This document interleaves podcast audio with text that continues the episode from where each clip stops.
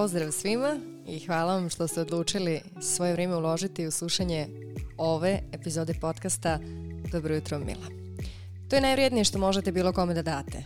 Vaše vrijeme. Čisto da vas napomenem, pa vam hvala još jednom što to u ovim minutima dajete upravo meni. Nema dana od kad imam svoju online platformu, a to je već preko decenije, da mi ne stignu pitanja – a kako si ti tako samopouzdana? Daj nam savjete, kako to, otkud to, otkud je toliko samopouzdanje i tako dalje.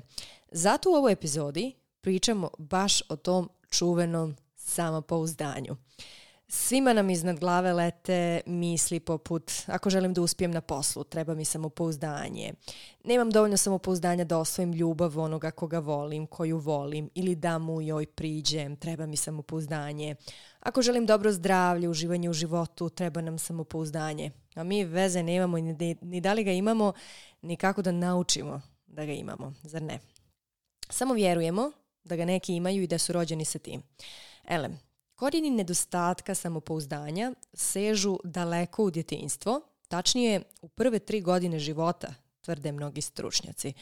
Onako kako su se roditelji odnosili prema nama u djetinstvu, mi se sada odnosimo sami prema sebi, tako kažu.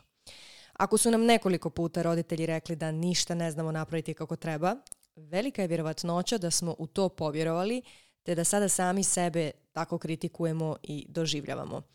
E to je ono čemu trebamo stati u kraj i promijeniti kod sebe. Naše misli trebaju da nas bodre, a ne kritikuju. Naše, ne tuđe.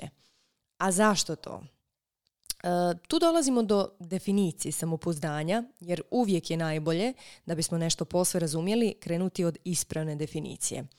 Tako bi samopouzdanje, jeli, bilo svjesnost određene osobe o vlastitoj vrijednosti i povjerenju u sebe. Samopouzdana osoba sama je sebi najveći autoritet i preuzima odgovornost za svoje postupke čak i kada nije zadovoljna postignutim rezultatima.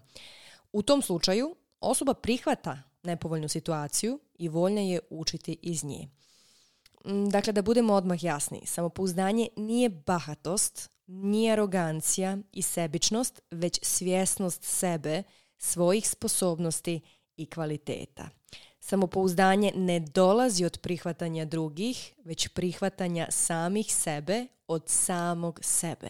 Dakle, da ponovim još jedno. Još jednom, samopouzdanje ne dolazi od prihvatanja drugih, već prihvatanja samih sebe od samog sebe. Bitna je razlika. E, do prije par godina sam i ja bila jedna od onih koja bi govorila da se sa samopouzdanjem rađamo. Ja sam bila takva, samopouzdana od svog rođenja, barem se tako sjećam. Imam sjajne roditelje, odgajali su me, vjerujem, na ispravan način. Bila sam vrijedno i svestrano dijete, energično, postavljala sam more pitanja.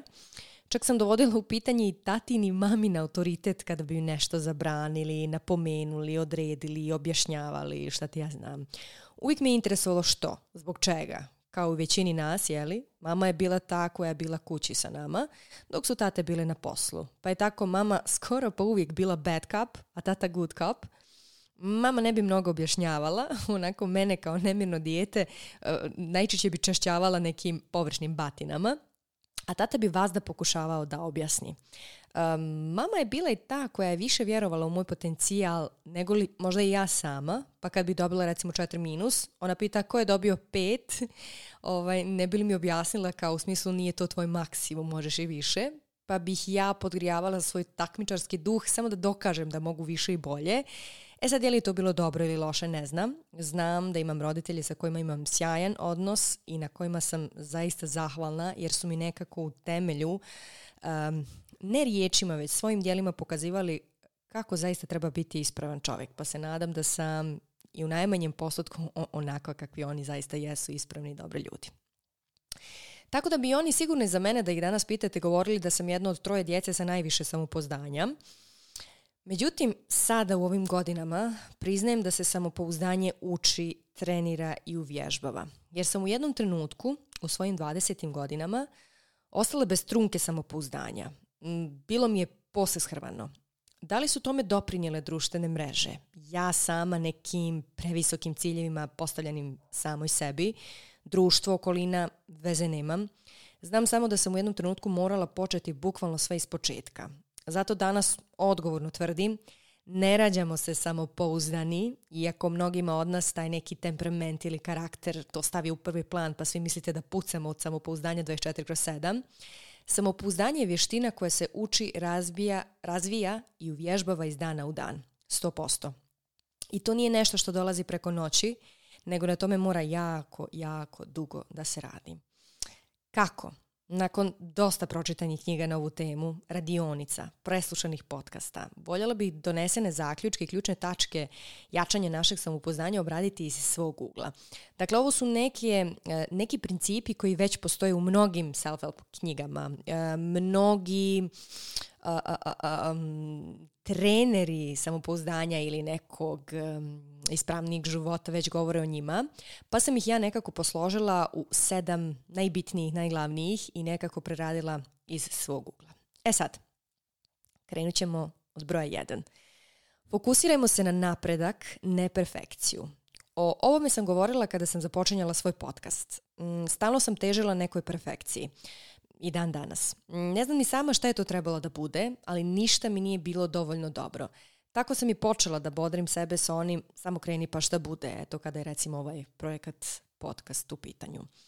Sve dok čekamo da nešto bude savršeno, savršeno, postavljamo sebi previsoke standarde i samo ih povisujemo, a na drugu stranu postajemo sve nesrećniji, jer kao nismo dovoljni, ništa ne umijemo, ne možemo da dosegnemo do tog nekog visokog standarda, loši smo u svemu i to sebi ponavljamo kao sebi najgori neprijatelji. Znate već šta smo sposobni sami sebi da izgovorimo. Pritom tome nadodamo i poređenje sa drugima, pa nam sve tuđe nam se učini savršenijima nego naše. E sad, dosta je stvari u mom životu koje ja radim po tom principu. Nekako treba da mi bude sve savršeno, pritom um, ne znam uopšte šta je to savršenstvo. I kad nešto uradim, vidim da je to bilo dovoljno dobro, da je to, ajde da kažemo, savršeno. A opet, kada bih eh, krenula to da radim, kao bilo mi nekako nedostižno. Znači, bitno je krenuti, jer lijek za ovo bi bilo pomjeranje fokusa sa te neke perfekcije koja ne postoji nikad, nigdje, ni u čemu, ni kod koga, niti je prečesto potrebna, na jednostavni napredak, korak po korak.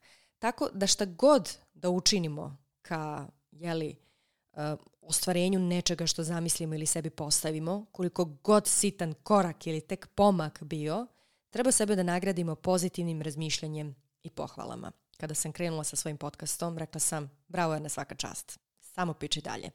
Jer tek tada ćemo osjetiti tu produktivnost koja će nas napuniti gorivom za dalje. I sve tako, korak po korak ka ostvarenju onoga što želimo. Tu ja ponavljam sebi, nije sve u svoje vrijeme, već je sve u tvoje vrijeme, Erna, što je savršeno, savršeno napisao Mika Antić. Zato sklonite sve sa svog fida društvenih mreža što vas čini manje vrijednim u svojim očima. Sve, svakoga. I polako, use i u svoje kljuse. Fokus na napredak, na korak, na pomak, makar malim prstom. Ne savršenstvo. Pod broj dva. Reci da, pa onda skontaj način kako ćeš nešto učiniti. Princip je ovo Richarda Bransona, poslovnjaka, autora knjige Kako sam izgubio nevinost i Screw it, let's do it, preporučujem i za čitanje poput nekog lakog štiva koji ćemo ostvariti, to jest otvoriti nove vidike, ali ne, napominjem, ne promijeniti život preko noći, jer to ni jedna self-help knjiga ne može bez naše pomoći i truda ili bilo koja knjiga. Četvrtog najbogatijeg Britanca i zasigurno jedne otkačene individue, kakav jeste Richard. Sjetite se ovih e, svih situacija kojima ste rekli ne, samo da biste ostali u svojoj komfort zoni. A upravo je odgovor da na prvu moment kada izlazimo iz nje, iz te tvoje, iz te svoje ugodne zone, gdje ne rastemo, jeli? Kada smo spremni da učimo, da se rastegnemo do neke nove spoznaje, novog znanja, novih nas. Zato u sljedećim situacijama prvo izgovorite da prihvatite izazov, a onda skontajte kako da nešto učinite, kako da nešto naučite da biste uspjeli odgovoriti tom zadatku kojem ste rekli to potvrdno da. Jer kada kažete prvo da, stavljate na sebe pozitivan pritisak i stvarate sebi priliku da rastete. A da kažete, kada kažete ne, nemate potrebu da rastete. Kada kažete ne, nemate potrebu da učite. Kada kažete ne, ne pomirate se sa mrtve tačke izgovarajući da, stvarate novu priliku da napredujete. Zato i učiti treba naučiti. tako da ono kad kažu nemam prilike, nama mladima ne daju prilike, stvorite ih sami sebi, stvorimo ih sami sebi. Prilike su na svakom ćošku, samo ako joj mi kažemo da. Pod broj tri, još bitnije. Koliko je bitno reći da, toliko je bitnije znati reći ne. I to se odnosi da ne smijete reći da ako je nešto protiv vaših uvjerenja, vrijednosti u koje vjerujete. Jer izgovorom da nećete biti samopouzdaniji, već suprotno od toga. Šta su naše prioriteti? O čemu prvo pomislimo? Šta želimo da radimo? Koliko vrijedimo? Šta želimo da radimo? Na šta da trošimo svoje slobodno vrijeme? To su stvari koje trebamo postaviti kao prioritete i na sve što ide protiv toga jasno mu i glasno izgovoriti ne. I nema pravdanja vaše ne ne mora da ima opravdanje. Ne trebamo da radimo ništa što ne želimo i sve dok smo uvjereni da znamo šta je to, naše samopouzdanje neće opadati. Svjesnost sebe i svojih potreba, e tu se krije samopouzdanje. U izgovoru tog ne, kada nas nešto primora da idemo protiv sebe. Kako to saznajemo? Tako što slušamo sebe. Sve što nam čini neku nelagodu, a mi smo rekli da, znači da je trebalo da bude ne. Jasno, ne. Broj četiri bi bio moment gdje živimo u skladu sa našim snovima. Ne snovima svojih roditelja, prijatelja, okoline, porodice koji usput osnijemo. Šta mi želimo? Koji fakultet da studiramo? Da li uopšte da studiramo ili odmah da radimo? Šta da radimo? Kako da živimo? Kako da se budimo svako jutro? Koga da ljubimo? Jeste teško je, ali sve dok živimo tuđe snove, nema ni samopouzdanja niti života kakav zaslužujemo. Sve će se svesti na nezadovoljno životarenje, a mi ćemo krivicu prebacivati uvijek na druge, a u nama je. I nije nam opravdanje ona kasno je za mene, jer nikad nije kasno da se vratimo onome što mi jesmo, što su naši hobiji, što jesmo mi i što nam treba da bismo živjeli u skladu sa sobom. Sve ostalo je kukavičluk, ovo mogu da kažem i u svoje ime, na koji nas počesto nisu primorali drugi, već mi sami, da tragedija bude veća. Nekad prije par mjeseci vidim ja taj jedan kostim na Lidiji koju obožavam, moje girl crush na Instagramu. Bog te je zgodna ko sam vrag. A kostim nekakav neobičan, slobodniji od onih na koje smo navikli, ako je to prava riječ da ga opišem. Šašav skroz. I meni se dopadne, čudno mi se dopadne, kupim ga sebi. Baš mi se dopadne kako mi stoji. Okačim fotku na, na Insta Prvi komentar stiže od moje mame, kaže ovako. Ja ništa ružnije odavno nisam vidjela. Ja tačno mogu da je zamislim kako izgledala dok mi je to opisala. Inače, brutalna je moja mama sa komentarima. Sjećam se od malena da si imala neke sulude modne ideje i kad kad je imala opasku, ja se to stvarno nosi? Nosi li to drugi? A ja bih mahom odgovarala što me briga za druge, meni se sviđa. Nikad me nije tjerala da to nešto skinem, ali jeste govorila svoje mišljenje. Nekad je uspjela da me pokoleba u moj modni izričaj, ali češće nije. Ne ona koju volim iznad svega i slušam i nju i tatu, već niko. Jer znam šta sam i ko sam i da to nosim jer se meni sviđa i daje mi neki super osjećaj. Tu je ležalo moje samopouzdanje, barem kada je taj modni izričaj u pitanju i dan danas. Na tu njenu poruku odgovorim samo za ha ha ha ha jer sam znala da će to biti njen komentar i stvarno mi je bilo smiješno u tom trenutku, ali nisam ni pomišljala da ga više nikad ne obučem. Prošlo je par dana i stiže jedan od njenih poziva, ali između ostalog vezano za to. Kaže, ej, nemoj nikada da slušaš šta ti drugi govore. Ne mislim na nas koji smo tvoji koji te volimo, mada i na nas jer imat ćemo neke komentare koji su možda proizvod tuđih reakcija i mišljenja, nekih strahova. Uvijek slušaj sebe jer znaćeš najbolje. Znam da smo te dobro odgojili i oprosti mami, nije ti loš taj kostim. Ti to znaš da nosiš. I sad ja je slušam i onako mi malo suzne mi oči. Znam da nije moralo to da mi kaže, zna i ona, ali mi je značilo jer je bila potvrda da znam ko sam i šta sam i da me ne može pokolebati čak ni mišljenje moje rođene mame koja znam da mi želi uvijek samo najbolje. Eto tako se održava samopoznanje. i tako vam pomažu oni koji vam žele dobro da ono opstane. As simple as that. Pod pet. Postavljajmo sebi prava pitanja. Postavljamo li prava pitanja? Postavljamo li uopšte pitanja sebi? Um, inteligencija se ne ogleda samo u intelektu i znanju, već i u radoznalosti i stvarima koje nas intrigiraju. Radoznalost ili ti ga znati želja, nije ubila mačku, je jedan od ključeva za bolje samopoznanje. Ako smo znati željni, podržavamo učenje i nove mogućnosti. Upoznajmo nove ideje, smjernice, sklonosti, postajemo produktivniji i više orijentisani ka ciljevima, želimo da rastemo, da se razvijamo. Jednostavno, sve su pitanja oko nas i na sve želimo da dobijemo odgovore. Tako da zadatak bi bio postavite pitanja, čitajte, sudjelujte na raznim događajima, e, družite se sa ljudima. E, jednostavno postavljajte pitanja i dajte drugima da vam postavljaju pitanja i skupa dolazite do nekih odgovora. Čemu se klanjamo? Čemu se divimo? Je li to naš put? Je li ovo naša svrha? Koji su naši ciljevi u životu? Koji su naše navike kao ostvarenju toga? Da li mijenjamo navike u skladu sa željama? Radimo li na našem usavršavanju? Gdje se možemo usavršiti? Gdje se možemo popraviti? U čemu možemo biti bolji? Šta ne znamo, šta bismo voljeli da naučimo? Šta bismo voljeli da promijenimo kod sebe? More genijalnih pitanja koja sebi trebamo svakodnevno postavljati i polako dolaziti do odgovora. Šest. U ovo je jedna od dražih tački. Kaže Jay Seti, manje se dajte u ne tako inteligentnim razgovorima. I ne nije rekao u razgovorima sa manje inteligentnim ljudima, već manje inteligentnim razgovorima i nije mislio na intelektualno, već emocionalno, duhovno. E sad, kakvi su to razgovori? Oni u kojima nećete pričati ni o čemu što bi vaš, vaš život moglo učiniti kvalitetnijim ili taj odnos, već neke gluposti poput površnih tračeva.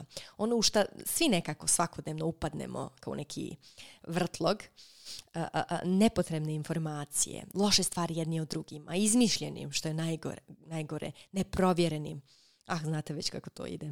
E, nemali broj puta su mi dolazili neki moji poznanici, koje sam smatrala i prijateljima, bar sam ili tako mislila, i govorili mi, joj, sjedili smo za tim i tim stolom sa tim i tim ljudima, ili ne spomenu ljude, nego eto tu smo bili i kao govorili su loše o tebi. Rekli smo im da to ne rade i tako kao ono sad oni meni pričaju kako su ti neki ljudi to nešto loše rekli i oni bi tu nastavili da sjedi. Ja bi na to odgovorila, u takvim situacijama se uste od tog stola. Tada biste mi pokazali da ste mi zaista pravi prijatelji. Jer ako su pred njima osjetili slobodni e, govoriti protiv mene, šta da onda očekujem od njih? Totalno nepotrebno. Imano poznata sitne duše govore o drugim ljudima, prosječno o stvarima, a veliki o idejama. Takvi razgovori su poželjni. Pričajmo sa drugima o našim navikama, dobrim, pozitivnim, o idejama, o pomocima, pa možda čak i o strahovima gdje možemo pokušati da ih razbijemo, da e, jednim drugima pomognemo da, prevaziđemo neke, neke poteškoće u životima ili slično, o putovanjima, o kulturama, o, ma milion je tema o kojima možemo da pričamo jedni sa drugima, da to ne budu drugi ljudi kada oni nisu tu prisutni. E, znam da sam imala par, e, jeli pošto sam i u tom influencerskom svijetu, par momenata kada bi drugi ljudi ili influenceri e, onako iz šista mira govorili neke loše stvari o meni. Pritom nisu me znali, ja nisam znala njih, nismo se nikad čak ni lično upoznali. I onda sam tako imala tu neku potrebu da im sjajim da kažem majke vam, šta će ti to, šta će vam to ili šta će ti to. I onda sam dobila počesto odgovor, pa kao, ma ponijelo me, u smislu nisam to mislio ili nisam to mislila. I to bih nekako cijenila kod ljudi, jer mi počesto imamo tu neku potrebu da možda u tom trenutku budemo prihvaćeni od drugih. A ako je recimo ta okolina koja bi, da tako kažem, ogovarala i mi bismo se nekako bacili, kako sam spomenula, taj neki vrtlog ogovaranja drugih ljudi. tako da mm, nisam neko ko to ne oprosti, iako mi na prvu mi bude stvarno nezamislivo, ali onda skontam, pa pretpostavljam da sam i ja pravila takve greške. Ne nikad javno da bih nekoga, posebice ove mreže su toliko nemilosrdne, ne bih, ne bih to učinila takvim javnim prozivkama drugih ljudi. Ili, znate kako već, mora neko da vas čačne da biste napravili neku reakciju na neku već akciju, ali to je, jel, ljudski da imamo svi taj neki postotak zlobe, ali on mora biti jedan a ne 95. E, tako da generalno treba se kloniti takvih tema. Treba pričati o nečemu što će učini za, učiniti zaista nešto dobro za nas u toj nekoj svakodnevnici. Sedam, za sami kraj, da se krenemo suočavati sa našim strahovima. Bez toga, nažalost, ne ide. U strahovima leži svaki manjak samopouzdanja. Obično se li strah pojavi tada kada osjećamo da nemamo kontrolu nad nekom situacijom, kada ne znamo dovoljno o nečemu, kada se riješimo strahova ili makar osvijestimo koji su nam, poboljša se i naše samopouzdanje. Pa evo jednog zadatka za sami kraj. Pomislite na ono čega se najviše bojite. Razmišljajte o tome.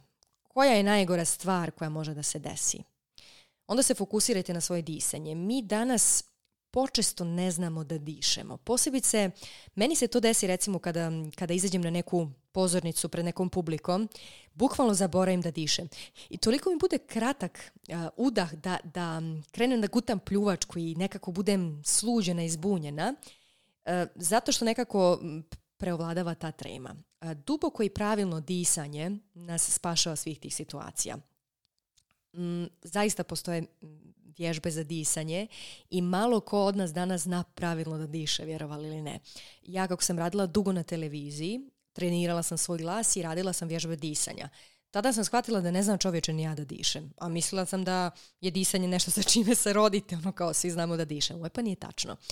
Tako da fokusirajte se na svoje disanje, pronađite online neke vježbe za disanje, ono kao udahnite 5 sekundi i izdahnite 6 sekundi.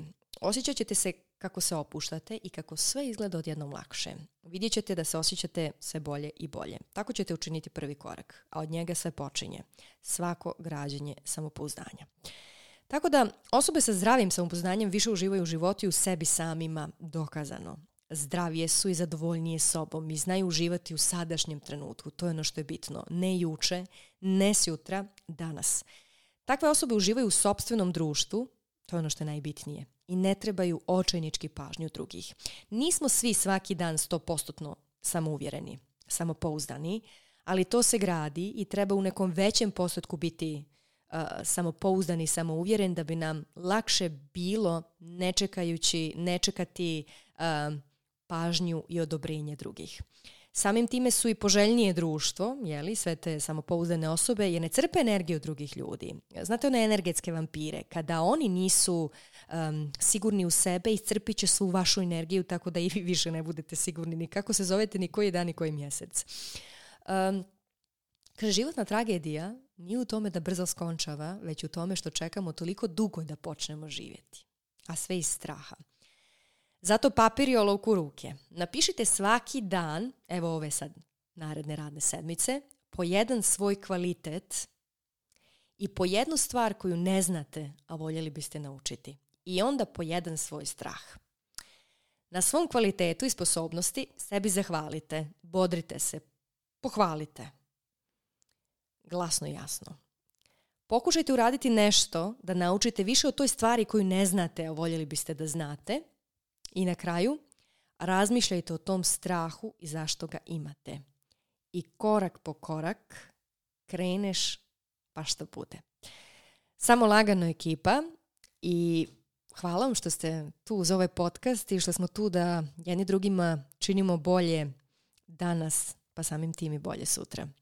E, ljubim vas i naravno kao i po običaju čekam da tagujete i označite Diva back na Instagramu da vidim kako slušate ovaj podcast i da se dijelimo dalje. Tako da još jednom hvala vam, ljubim vas i ajdemo do bolje verzije sebe. Ćao!